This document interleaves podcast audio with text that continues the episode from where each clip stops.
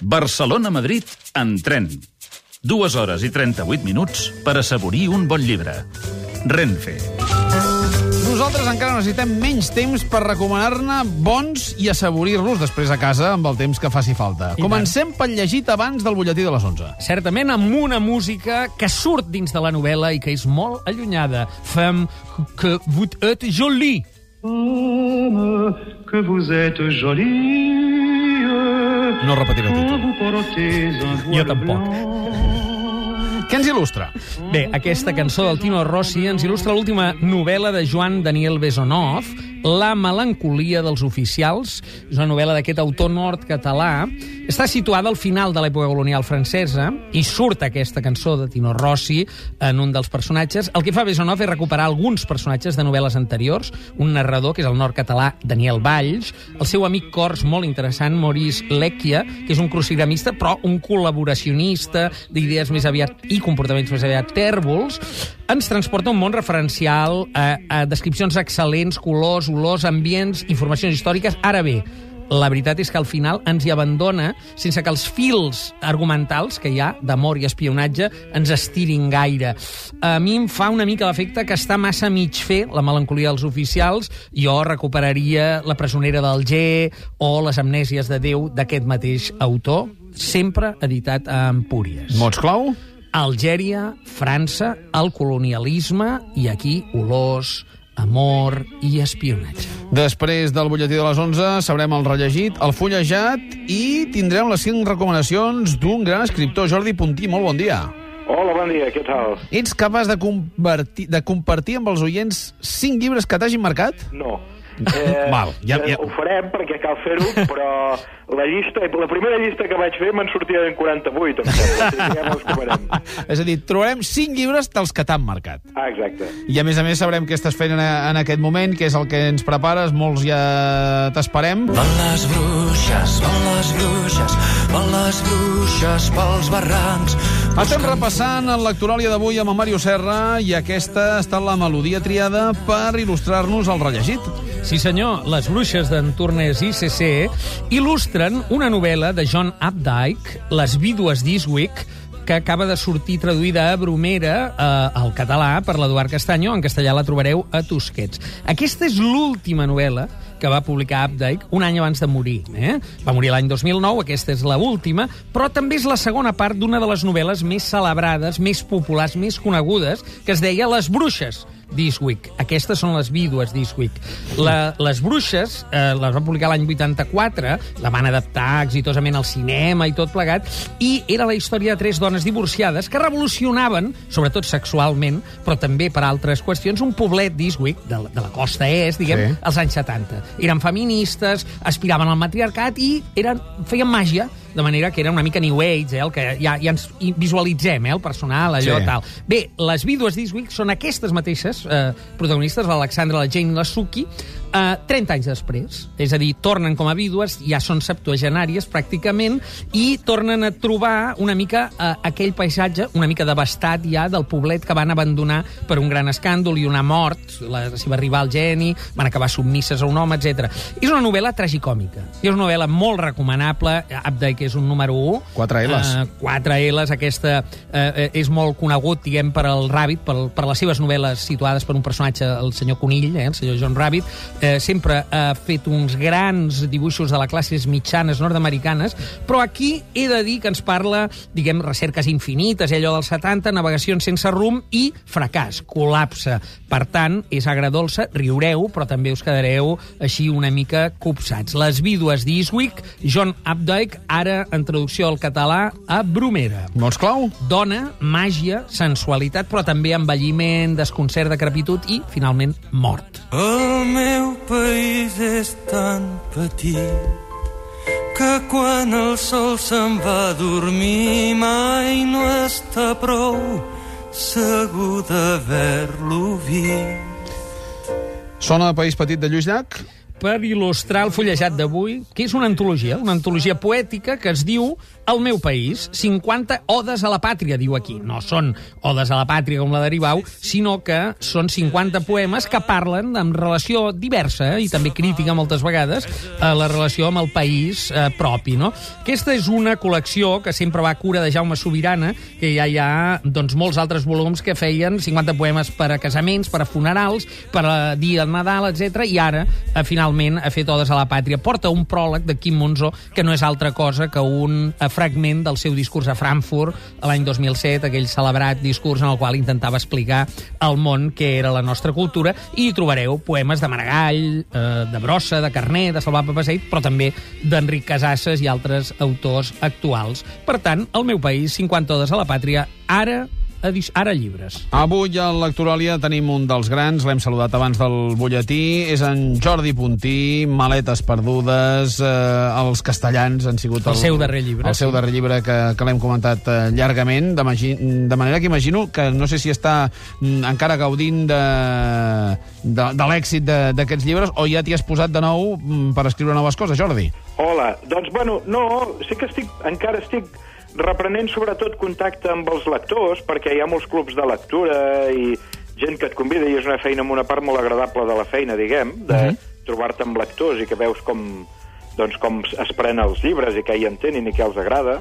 I al mateix temps, doncs sí, he començat a escriure, he acabat un conte que sortirà a l'antologia de la Marató de TV3, que es publica cada any, doncs, quan hi ha la Marató, Sí. publiquen una antologia amb el tema um, de la Marató i a mi em va demanar això, d'escriure un conte sobre transplantaments, que és el tema d'aquest any, Fantàstic. i l'he l'he acabat fa poc, fa 15 dies, o sigui que aquest, aquesta és la cosa, i ara estic començant a pensar en una novel·la. Però Bueno, ja, és, ja és un bon motiu per comprar el llibre de la Marató, que mai no en falten, però, però aquest, saber que hi ha un llibre, eh, un conte de- d'en Jordi Puntí, també. De què, quin òrgan eh, es transplanten al teu compte, En el Jordi? meu conte es diu Ronyó. Ronyó. Molt bé, molt bé. Ja Dóna anem pistes, ubicant. dóna Dóna pistes per veure. Sí. Això serà divertit, veure, veure quins, quins òrgans ha triat la gent, no? Ah. Imagino que cadascú haurà tirat per, per una banda diferent, esclar. En aquest punt és com ens agrada trobar els escriptors, un punt relaxats, encara no, no tenen doncs, la- l'obsessió per la feina que, que han de fer, ni estan atrapats amb, amb l'obra que escriuen, però sí que poden tenir aquest punt doncs, de, de fer una mirada enrere o a les lleixes i dir, home, doncs d'aquests llibres m'agradaria compartir amb els oients aquests títols. M'has dit que te'n sortien 48 i nosaltres t'hem demanat 5. Sí, és, bueno, Què posem damunt la taula, Jordi? Eh, és el problema de les llistes, sempre, Sí. eh? que t'hi vas ficant i te'n van sortint més i més. Llavors, bueno, sempre has d'acabar acotant i, per tant, eh, és inevitable ser injust i oblidar-te coses importants eh, que has llegit. La tria que he fet... Sigues injust, tria- sigues injust, Jordi. Perdona? Sigues injust. La tria que he fet és una tria molt així del moment, eh? Vull dir, si demà m'ho pregunteu, potser... Potser ho haria. ja, ja canviaria. Però, en tot cas, sens dubte hi hauria La vida amarga, d'en Josep Pla, uh Mhm, -huh, que és un, és un llibre, diguem-ne, deu ser el llibre d'en Josep Pla on s'acosta més a la ficció. Ell deia que, no, que li hauria agradat ser un escriptor de narrativa, però que no ho podia fer perquè havia de treballar pels diaris i havia de guanyar-se la vida, i aquests textos, que són com històries, són narracions que giren totes al voltant de la vida en una pensió, de diverses pensions que ha estat ell, des de França, a Itàlia, a Alemanya, a Anglaterra, també a Espanya, doncs són tot històries de, de pensions que tenen un punt de ficció que a mi m'agrada molt. Molt bé. La vida, la vida amarga, un, un gran títol amb el carrer estret Jo que i no el algun altre. Uh, uh, bé, és de la part narrativa, com molt bé deia el Jordi ara. Suposo que estarà uh, que el trobaran els lectors a Destino, mm. oi, Jordi? Sí, Uh, bé, no, hi ha O una no és a edició Destino? De Butxaca que va sortir l'any passat a, a la col·lecció La Butxaca. A La Butxaca, correcte. Molt recomanable, molt Sí, ben sí. feta i molt llegidora. Posem pla damunt la taula i qui l'acompanya? Uh, L'acompanya Lolita de Vladimir Nabokov, que deu ser un llibre que tria molta gent, però a mi realment em va marcar, uh -huh. uh, la seva lectura em va marcar per diverses coses. D'una banda, perquè et trobes un narrador uh, que et fa comprometre, uh, t'ajuda a la identificació, i és una identificació molt sovint perversa, perquè Humbert Humbert no deixa de ser uh, un pederasta, un pedòfil, però en canvi en molts moments et demana que estiguis al seu costat, i això ho fa amb una equació entre el que es diu i el que no es diu. I això és una cosa que m'agrada molt de Nabokov, que molt sovint, a part de tenir un estil molt depurat i molt elaborat, um, t'has d'imaginar molt el que hi ha al darrere de cada frase perquè no ho diu tot, eh? És aquella teoria del del iceberg de Hemingway, que deia que només veus una part, doncs en, el cas, en el cas de Nabokov és molt clar, i sobretot en aquell llibre, Lolita. Estem encantats de, de tenir el puntí, perquè no només et fa la recomanació, sinó que No, te la te fa la raona, entendre. Eh? lògicament. Que, eh, M'estàs dient que m'enrotllo massa, eh? No, no, no, no, no t'estic dient que estic encantat. Molt bé, molt bé. La tercera. La jo volia triar una novel·la del John Irving, perquè m'agrada molt, i intento llegir cada any, me les dosifico, intento llegir-ne cada any una, i llavors crec que de totes, la que ara en aquests moments em quedaria o, o rellegiria és El món segons Garp, Home. que és una de les seves grans novel·les, no? I a mi m'agrada per aquesta cosa, per l'instint fabulador, que en dic jo, que és aquesta capacitat d'explicar històries, de fer versemblants coses molt estranyes, de convertir, diguem-ne, quan entres en les seves novel·les, t'oblides del món i et passes doncs, una setmana o deu dies, el temps que sigui, ficat allà dintre i s'hi està molt bé. Jo crec que La vida segons Garp va ser el que ens va fer descobrir a molts lectors, i de catalans especialment a Irving, i és eh, un autor extraordinari. sí. Escolta'm, no sabrem què, què portaven els 48 llibres eh, que, que, que ens tenies preparats, però de moment aquests tres... Eh, Són mel. Vamos, Molt bé, no, molt bé. ningú, que ningú els tregui del prestatge, eh? El Molt quart, bé. què incorporem? Mira, després, jo estava pensant, a veure, he de posar-hi un autor sud-americà, perquè n'he llegit, he llegit molta literatura sud-americana del boom, uh -huh. molts m'han agradat, eh, estava dubtant amb La Casa Verde del, del Vargas Llosa, però al final he triat Tres Tristes Tigres, uh -huh. del Guillermo Cabrera Infante, que també en el moment en què el vaig llegir recordo que va ser una, una descoberta total, no?, de un narrador molt lliure, so, sobretot això, la llibertat, la novel·la com a espai de llibertat per fer el que et doni la gana, per barrejar històries molt diferents, després, per fer-te riure, que és una altra cosa que no passa gaire sovint, que estiguis llegint i que llegeixis eh, i que riguis en veu alta. I això, amb tres tistes tigres em passava, a part, això el Màrius segur que ho entén molt bé, dels jocs de paraules, que és una persona que sap treure un gran partit literari dels jocs de paraules. És una novel·la de- d'ambulatòria, eh? Tot l'Havana, vas al darrere del bustròfedon i de tots els personatges, és, és una festassa, una orgia. Jo m'apunto a aquest eh, fent la onada. Fins aquí anem molt bé. A partir del que diguis ara, algú et dirà alguna cosa, perquè dirà, com és que no has dit Exacte. aquell? I com que només te'n queda un... Ostres, qui és aquell? Qui és aquell? No, mira, probablement, sí, m'imagino que vas per aquí, per autors catalans actuals. No, no, jo, jo dic, tris el que tris, Ah, hi haurà vale. algú que trobarà a faltar algun nom. Sí, això segur, això segur. I com que No, encara en mira, falta un, ara tothom pot tenir el seu nom en l'imaginari. De dir, dirà, dirà aquest, el puntí. Ah, exacte. Um, a veure, per exemple, jo volia dir Salinger, però Salinger, el, en català el coneixem, els nou contes els coneixem traduïts pel Monzó.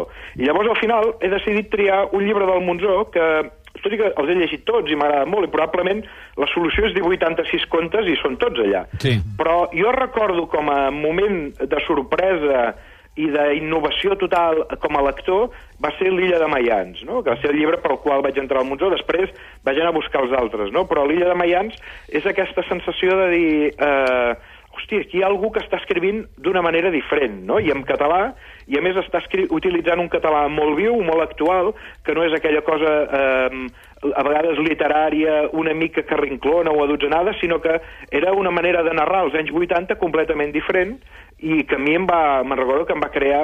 Recordo, a més a més, que l'estava llegint en una piscina, el vaig començar llegint en una piscina i pensar, hòstia, és el llibre ideal per llegir en una piscina. Reconeixement eh, per Quim Monzó.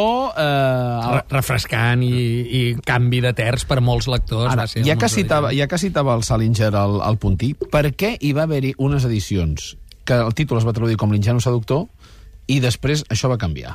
És que es veu que el Salinger eh, eh, intervenia molt eh, fins al punt de, de fer canviar, no en aquest cas, sinó un llibre de contes, que ara no recordaré, va fer canviar el títol de l'edició catalana. Sí, Eh? sí. De fet, és, aquest, és el llibre que va traduir el Monzó, que es deia eh, just després, o just abans de la guerra amb els esquimals, Sí. que era el títol d'un dels contes, i després el, el Stranger, quan ho va saber, va dir no, no, aquest llibre s'ha de dir nou contes. I a més a més no hi pot haver cap dibuix ni res a la portada, ser una portada llisa. Molt color intervencionista. L'ingenu seductor crec que era el títol de la traducció d'en Bangarel, Sí. que era... El guardià al camp de- de de, Sègol. del Sègol, Ah, no? que no era gens literal, i en aquest sentit suposo que hi va haver un canvi a partir de l'edició d'aquí. Però Salinger era Però intervencionista. que després, amb, sí. Amb el temps no l'he tornat a veure. És a dir, jo el vaig llegir No. com l'ingenu seductor i No, no. després ja, ja, És ja, no, ha. el títol canviat, eh? És que Bengarel va agafar el títol, o l'editor va agafar el títol de l'edició francesa. Ah, doncs mira, ja això, hem sí, desfet sí. l'enigma. Això mateix. Puntí, que vagi bé l'escriptura, llegirem amb el llibre de la Marató i t'esperem ben aviat amb, amb coses noves, però avui aquest exercici de generositat amb els oients te'l agraïm molt des de l'equip del Matí de Catalunya Ràdio. Moltes gràcies a vosaltres. Fort. Jordi, bon dia. Màrius, fins la setmana dia. que ve. Adéu.